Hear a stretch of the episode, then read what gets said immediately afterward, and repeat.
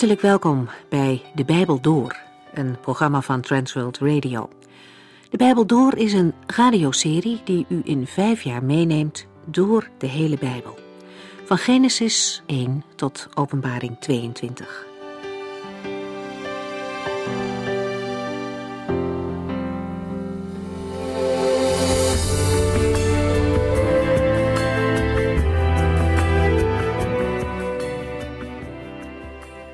Zijn bezig in Openbaring 12.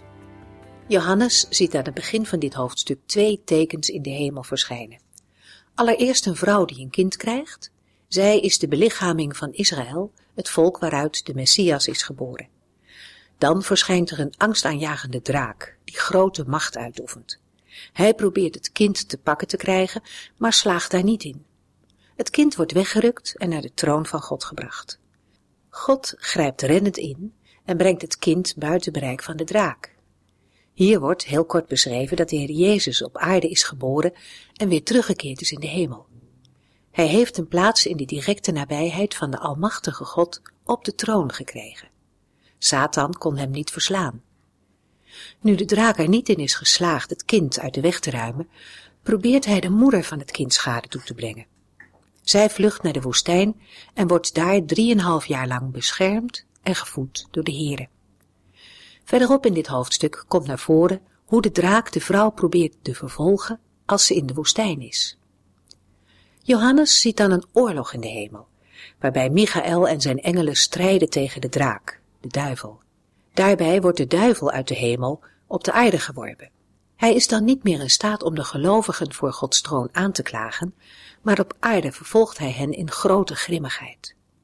Het gaat hier nog niet om de definitieve nederlaag van Satan. Die komt aan het eind van openbaring. Hier wordt hij verwijderd uit het hemelse gerechtshof, waar hij voortdurend mensen aanklaagde voor God. Zijn ondergang zal zeker komen, maar hier is het nog niet zover.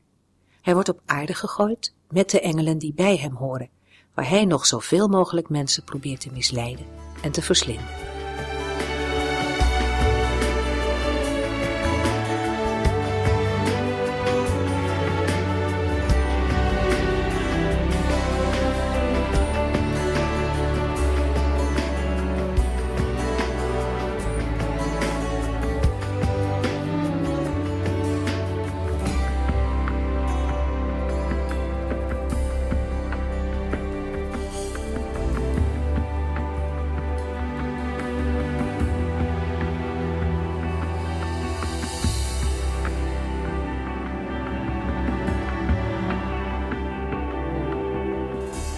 In de vorige uitzending stonden we uitgebreid stil bij Openbaring 12, vers 10.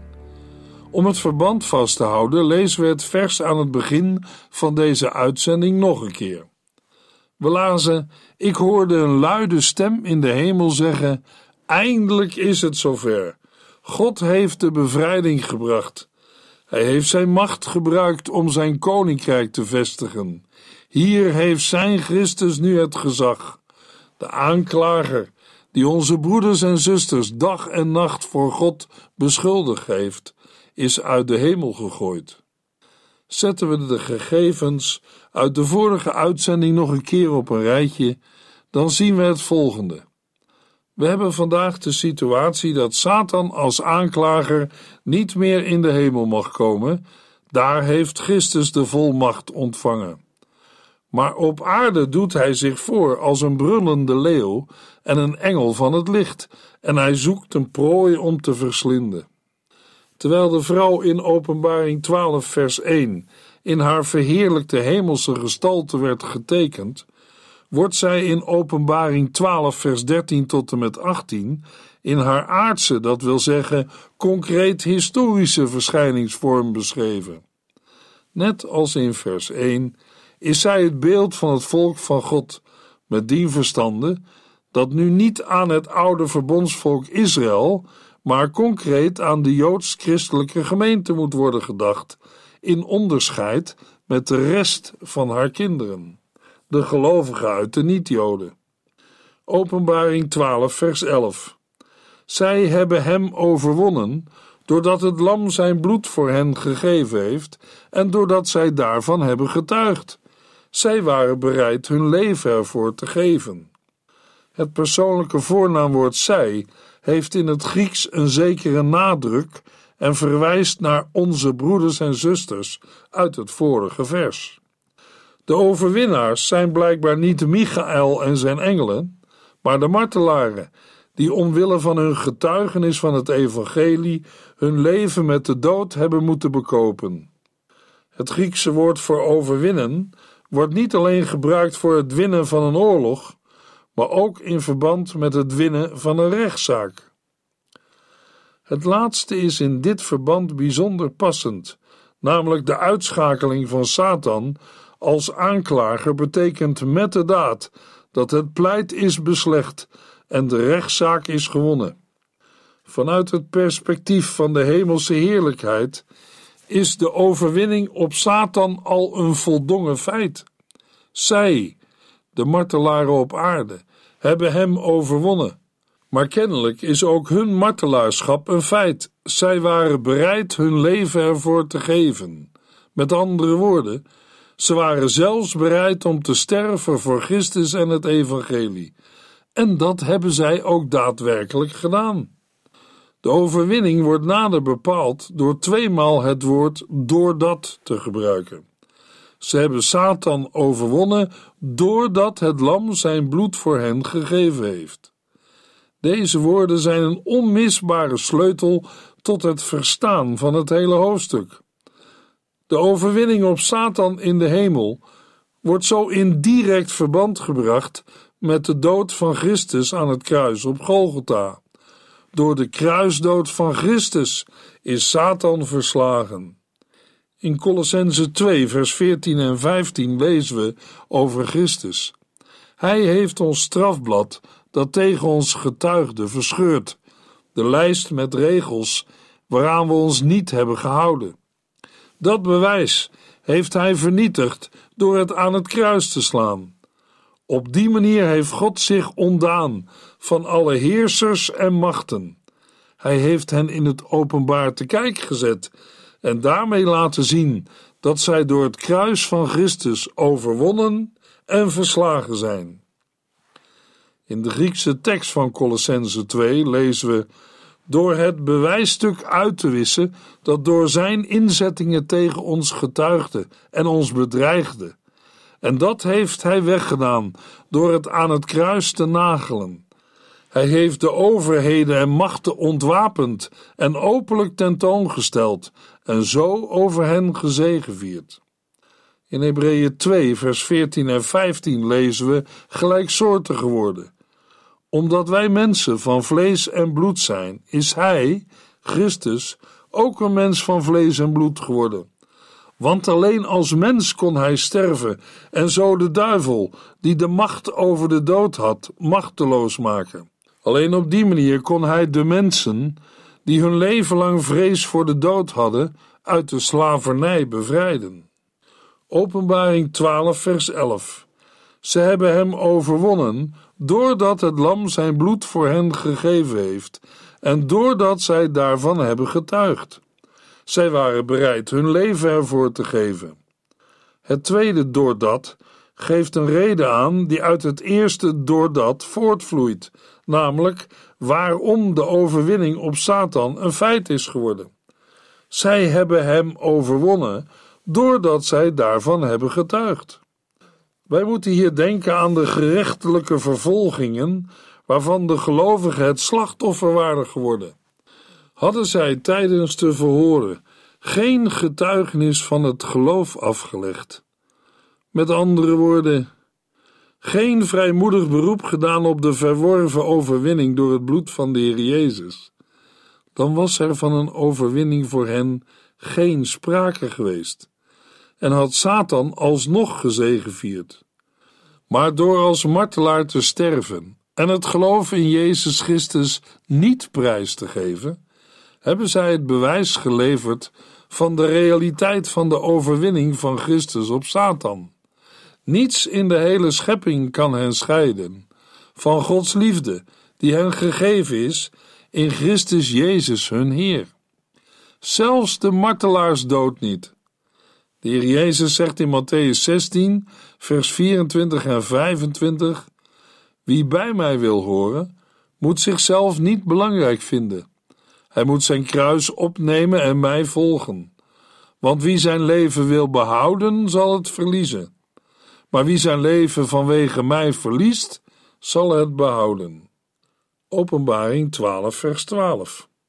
Daarom moet de hemel en ieder die er woont blij zijn. Maar och, wat ziet het er vreselijk uit voor de aarde en de zee. De duivel is naar beneden gekomen, buiten zichzelf van woede. Hij weet dat hij niet veel tijd meer heeft. Omdat Satan uit de hemel is weggejaagd, is er voor de hemel en ieder die er woont, dat zijn de engelen en de gestorven gelovigen, alle reden tot grote blijdschap.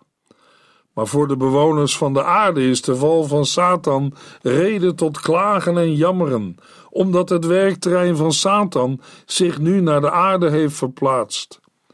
We lazen, maar och, wat ziet het er vreselijk uit voor de aarde en de zee. De duivel is naar beneden gekomen, buiten zichzelf van woede. Hij weet dat hij niet veel tijd meer heeft. Satan is afgedaald naar de aarde en de zee en zoekt daar koortsachtige wraak te nemen, in de wetenschap dat de tijd die hem voor zijn definitieve uitschakeling nog rest, kort is. Deze bepaalde tijd of korte periode wordt uitvoerig beschreven in Openbaring 13 en 17. Van de 52 keer dat het woord hemel in de Griekse tekst van het Bijbelboek Openbaring voorkomt, staat het alleen in Openbaring 12, vers 12 in het meervoud. We lezen in de Griekse tekst: Daarom verheugt u, hemelen, en wie daarin wonen. Mogelijk omdat Johannes de formulering van onder andere Jesaja 49, vers 13 in gedachten had. Openbaring 12, vers 13. Toen tot de draak doordrong dat hij op de aarde was neergegooid, achtervolgde hij de vrouw uit wie het jongetje was geboren. Vers 13 sluit inhoudelijk aan bij vers 9. De versen 10 tot en met 12 vormen een kort intermezzo. Nu de pogingen van de draak om het kind te doden zijn mislukt, zet hij zijn aanval voort tegen de vrouw. Terwijl de vrouw in vers 1 in haar verheerlijkte hemelse gestalte werd getekend, wordt zij in vers 13 in haar aardse, dat wil zeggen concreet historische verschijningsvorm beschreven. Net als in vers 1 is zij het beeld van het volk van God. Met dien verstande dat nu niet aan het oude verbondsvolk Israël, maar concreet aan de joods-christelijke gemeente moet worden gedacht. De in vers 17 genoemde rest van haar kinderen zijn de gelovigen uit de niet-Joden. De in vers 13 beschreven vervolging van de vrouw door de draak wijst op een situatie van geloofsvervolging van de joods-christelijke gemeente in Judea. Openbaring 12, vers 14. Maar zij kreeg de twee vleugels van de grote arend, zodat zij kon wegvliegen naar haar schuilplaats in de woestijn. Daar werd een bepaalde tijd voor haar gezorgd, buiten het bereik van de slang. Meer in detail dan in vers 6 wordt in vers 14 opnieuw de vlucht van de vrouw naar de woestijn beschreven. Zij ontvangt twee arendsvleugels die haar in staat stellen de plaats van het onheil te verlaten en weg te vliegen naar een veilige plek. In vers 14 lezen we naar haar schuilplaats in de woestijn, dat wil zeggen de plaats die God voor haar had klaargemaakt. In Openbaring 12, vers 6 lazen we: De vrouw vluchtte de woestijn in, waar God een schuilplaats voor haar had. Daar zou zij 1260 dagen lang verzorgd worden. In het Oude Testament zijn de arend en de vleugels van de arend geliefde beelden om Gods zorg voor zijn kinderen tot uitdrukking te brengen. In Exodus 19, vers 4 zegt de Heere tegen Mozes: U hebt gezien wat ik met de Egyptenaren heb gedaan, en hoe ik u bij mij heb gebracht, zoals een arend zijn jong op zijn rug meeneemt. Het Hebreeuwse woord voor arend of adelaar is vermoedelijk een verzamelnaam voor een groep roofvogels. Waarschijnlijk verwijst het voorbeeld naar het verschijnsel dat een jong van een arend bewust uit het hooggelegen nest wordt gestoten en als hij neerdreigt te storten, opgevangen wordt op de vleugels van een van de ouders. Zo leert het jong vliegen. In Deuteronomium 32 vers 11 lezen we over de Heere hij spreidde zijn vleugels over Israël uit, net als een arend zijn jongen op de vleugels neemt en zo beschermt. Zo doet de Heere met zijn volk, de Israëlieten. Een bekend voorbeeld lezen we ook in het Bijbelboek Jesaja. In Jesaja 40 vers 29 tot en met 31 wordt van de Heere gezegd: Machteloze en vermoeiden maakt hij sterk. De zwakken geeft hij kracht. Jeugdigen zullen uitgeput raken en de jonge mannen zullen het opgeven. Maar zij die hun hoop op de Here hebben gevestigd, zullen hun krachten weer terugkrijgen. Zij stijgen op met vleugels als van arenden. Zij zullen voortsnellen, maar niet moe worden. Zij zullen wandelen zonder uitgeput te raken. We lazen in Openbaring 12, vers 14: Maar zij kreeg de twee vleugels van de grote arend, zodat zij kon wegvliegen naar haar schuilplaats in de woestijn. Daar werd een bepaalde tijd voor haar gezorgd, buiten het bereik van de slang. De vrouw verblijft in de woestijn gedurende een bepaalde tijd. In een andere Bijbelvertaling lezen we een tijd, tijden en een halve tijd. De periode van 1260 dagen uit Openbaring 11 vers 3 komt overeen met de 42 maanden uit Openbaring 11 vers 2 en Openbaring 13 vers 5.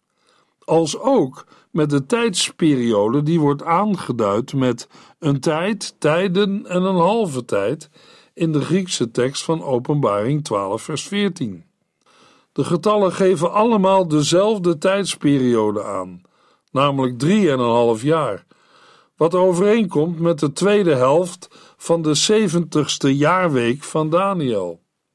Het is de periode van grote verdrukking ten tijde van de regering van het beest. De jaren die direct aan de wederkomst van Christus en de komst van het vrederijk van de Messias voorafgaan.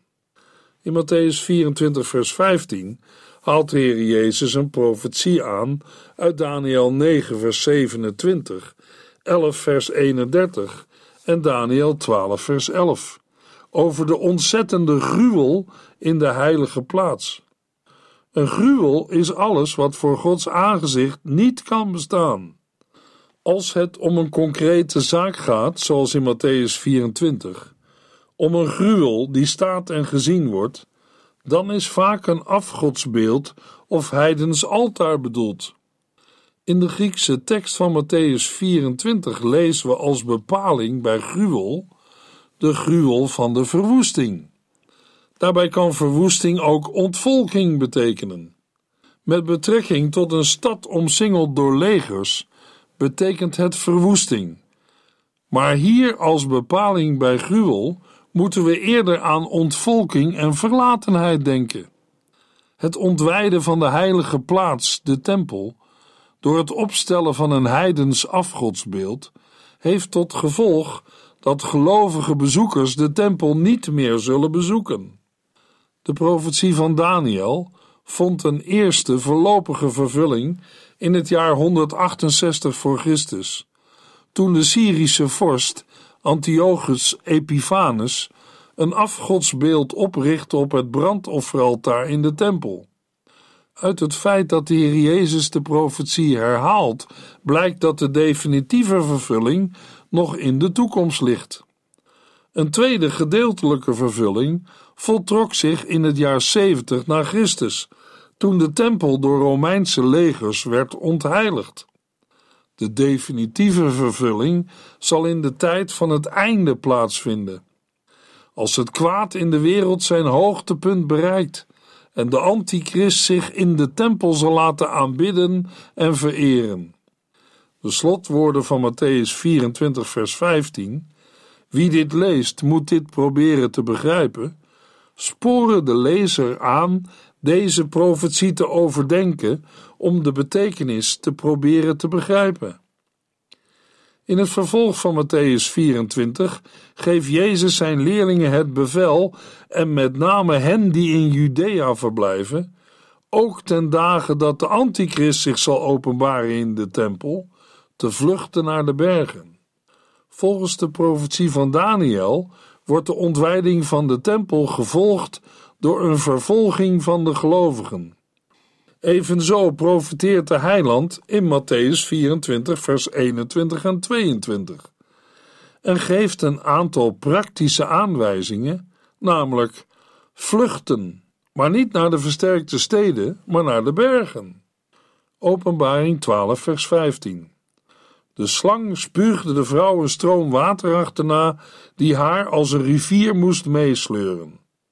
In een uiterste poging om de vrouw om te brengen, spuugt de slang haar een enorme watermassa achterna om haar daarin te laten meesleuren, met de bedoeling dat zij verdrinkt. Openbaring 12, vers 16. Maar de aarde kwam haar te hulp, door open te splijten en de stroom water op te slokken. De vrouw ontsnapt aan de verdrinkingsdood doordat de aarde zich opent en de rivier opslokt. Het beeld van de aarde die zich opent en alles wat zich daarboven bevindt verzwelgt, herinnert naar alle waarschijnlijkheid aan verschillende teksten uit het Oude Testament en duidt op een ingrijpen van de Heere ter bescherming van zijn volk en kinderen. Openbaring 12, vers 17. De draak werd woedend op de vrouw en ging weg om tegen de rest van haar kinderen te vechten. Dat zijn de mensen die zich houden aan wat God gezegd heeft en die er openlijk voor uitkomen dat zij bij Jezus horen. Nu het kind en de vrouw onbereikbaar zijn voor de aanvallen van de draak, verlegt hij zijn werkterrein opnieuw. De draak zoekt nu zijn slachtoffers onder de rest van haar kinderen die net als de Messias uit haar zijn voortgekomen. Bij de rest van haar kinderen gaat het om de vervolging van de gelovigen van niet-Joodse afkomst in het antichristelijke wereldrijk, wat ook het thema is van Openbaring 13, dat hierna volgt. Deze groep wordt nader omschreven als zij die zich houden aan wat God gezegd heeft en die er openlijk voor uitkomen dat zij bij Jezus horen het zich houden aan wat God heeft gezegd. Met andere woorden, het bewaren van de geboden van God of van Jezus is kenmerkend voor een volgeling van Jezus Christus. Daarmee leeft hij of zij niet onder de wet, maar in een leven van dankbaarheid voor de ontvangen verlossing in Christus wil hij of zij leven zoals de Heere dat graag wil, namelijk God liefhebben boven alles en de naaste als zichzelf. De woorden die er openlijk voor uitkomen dat zij bij Jezus horen, wordt in de Griekse tekst aangegeven met de woorden die het getuigenis van Jezus hebben. Dat kan worden opgevat in de zin van het getuigenis dat zij afleggen van en over Jezus, waarbij we dan met name kunnen denken aan het getuigenis dat God Jezus uit de doden heeft opgewekt. Maar we zullen dit getuigenis niet los moeten zien van het getuigenis dat Jezus heeft afgelegd tijdens zijn aardse leven, in woorden en werken. In het licht van deze profetieën staat de situatie van verdrukking en vervolging, waarin Johannes en zijn lezers in Klein-Azië zich bevinden, niet op zichzelf. Het lijden en de vervolgingen die de gelovigen in deze wereld doorstaan, zijn het gevolg van de nederlaag van Satan. Hij is uit de hemel weggejaagd, verslagen, uit het hemelse gerechtshof gezet. Hij gaat op aarde wel rond, als een brullende leeuw en een engel van het licht, buiten zichzelf van woede, maar hij weet dat hij niet veel tijd meer heeft. Het is het woedende gebries van Satan die er niet aan wil dat hij door Christus overwonnen is en ontroond. In die zekerheid mogen gelovigen nu al leren leven en sterven in de zekerheid van Gods overwinning in de Heer Jezus Christus. Openbaring 12, vers 18. En de draak ging op het strand bij de zee staan. In veel buitenlandse vertalingen ontbreekt vers 18. Sommige uitleggers voegen vers 18 bij Openbaring 13. De discussie gaat over wat nu precies de oorspronkelijke tekst is geweest. Als de woorden ik ben gaan staan of ik stond tot de oorspronkelijke tekst behoort, dan vormt vers 18 de inleiding op het visioen dat Johannes in Openbaring 13, vers 1 tot en met 10 te zien krijgt. De vertaling wordt dan: Ik, Johannes, stond op het zand bij de zee en ik zag. De overgang van vers 17 naar vers 18 is dan wel wat abrupt, maar op zichzelf genomen is de situatie die wordt beschreven niet zo vreemd. Johannes bevindt zich op het strand en ziet daar dan in een visioen een beest uit de zee opkomen. Maar een groot deel van de Griekse handschriften heeft in vers 18 de vorm hij is gaan staan of hij stond, zodat vers 18 de afsluiting vormt van het visioen over de draak met de woorden en hij, de draak, stond op het zand der zee. De laatste versie is de meer waarschijnlijke tekst. Waarom de draak bij de zee gaat staan, wordt duidelijk uit het vervolg. Uit de zee komt zijn handlanger, het beest tevoorschijn, die hem zal gaan bijstaan in het vervolgen van de gelovigen. Uit een vergelijk van Openbaring 13, vers 1 met Openbaring 11, vers 7 en Openbaring 17, vers 8 blijkt dat het beest uit de onderwereld of de afgrond komt. De grote draak gaat nu zijn veldtocht tegen de gelovigen beginnen.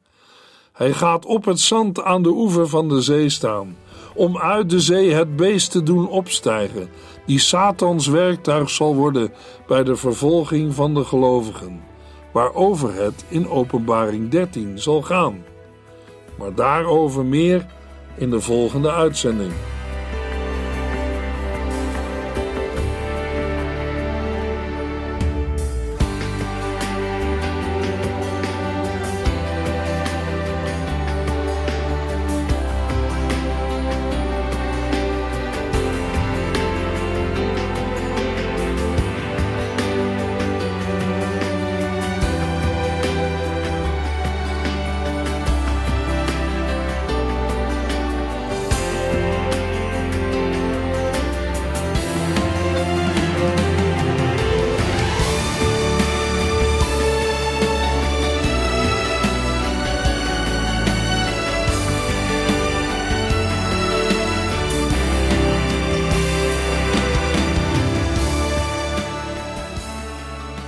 Sinds kort kunt u een USB-stick bestellen met alle uitzendingen en de teksten van de Bijbel door.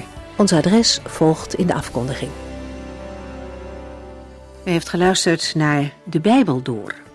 In het Nederlands vertaald en bewerkt door Transworld Radio. Een programma waarin we in vijf jaar tijd de hele Bijbel doorgaan.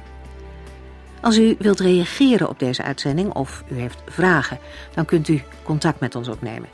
Tijdens kantooruren kunt u bellen op 0342 47 8432. 0342 47 8432. Ook kunt u een e-mail sturen naar de Bijbel door at transworldradio.nl en natuurlijk kunt u ook via de post ons bereiken.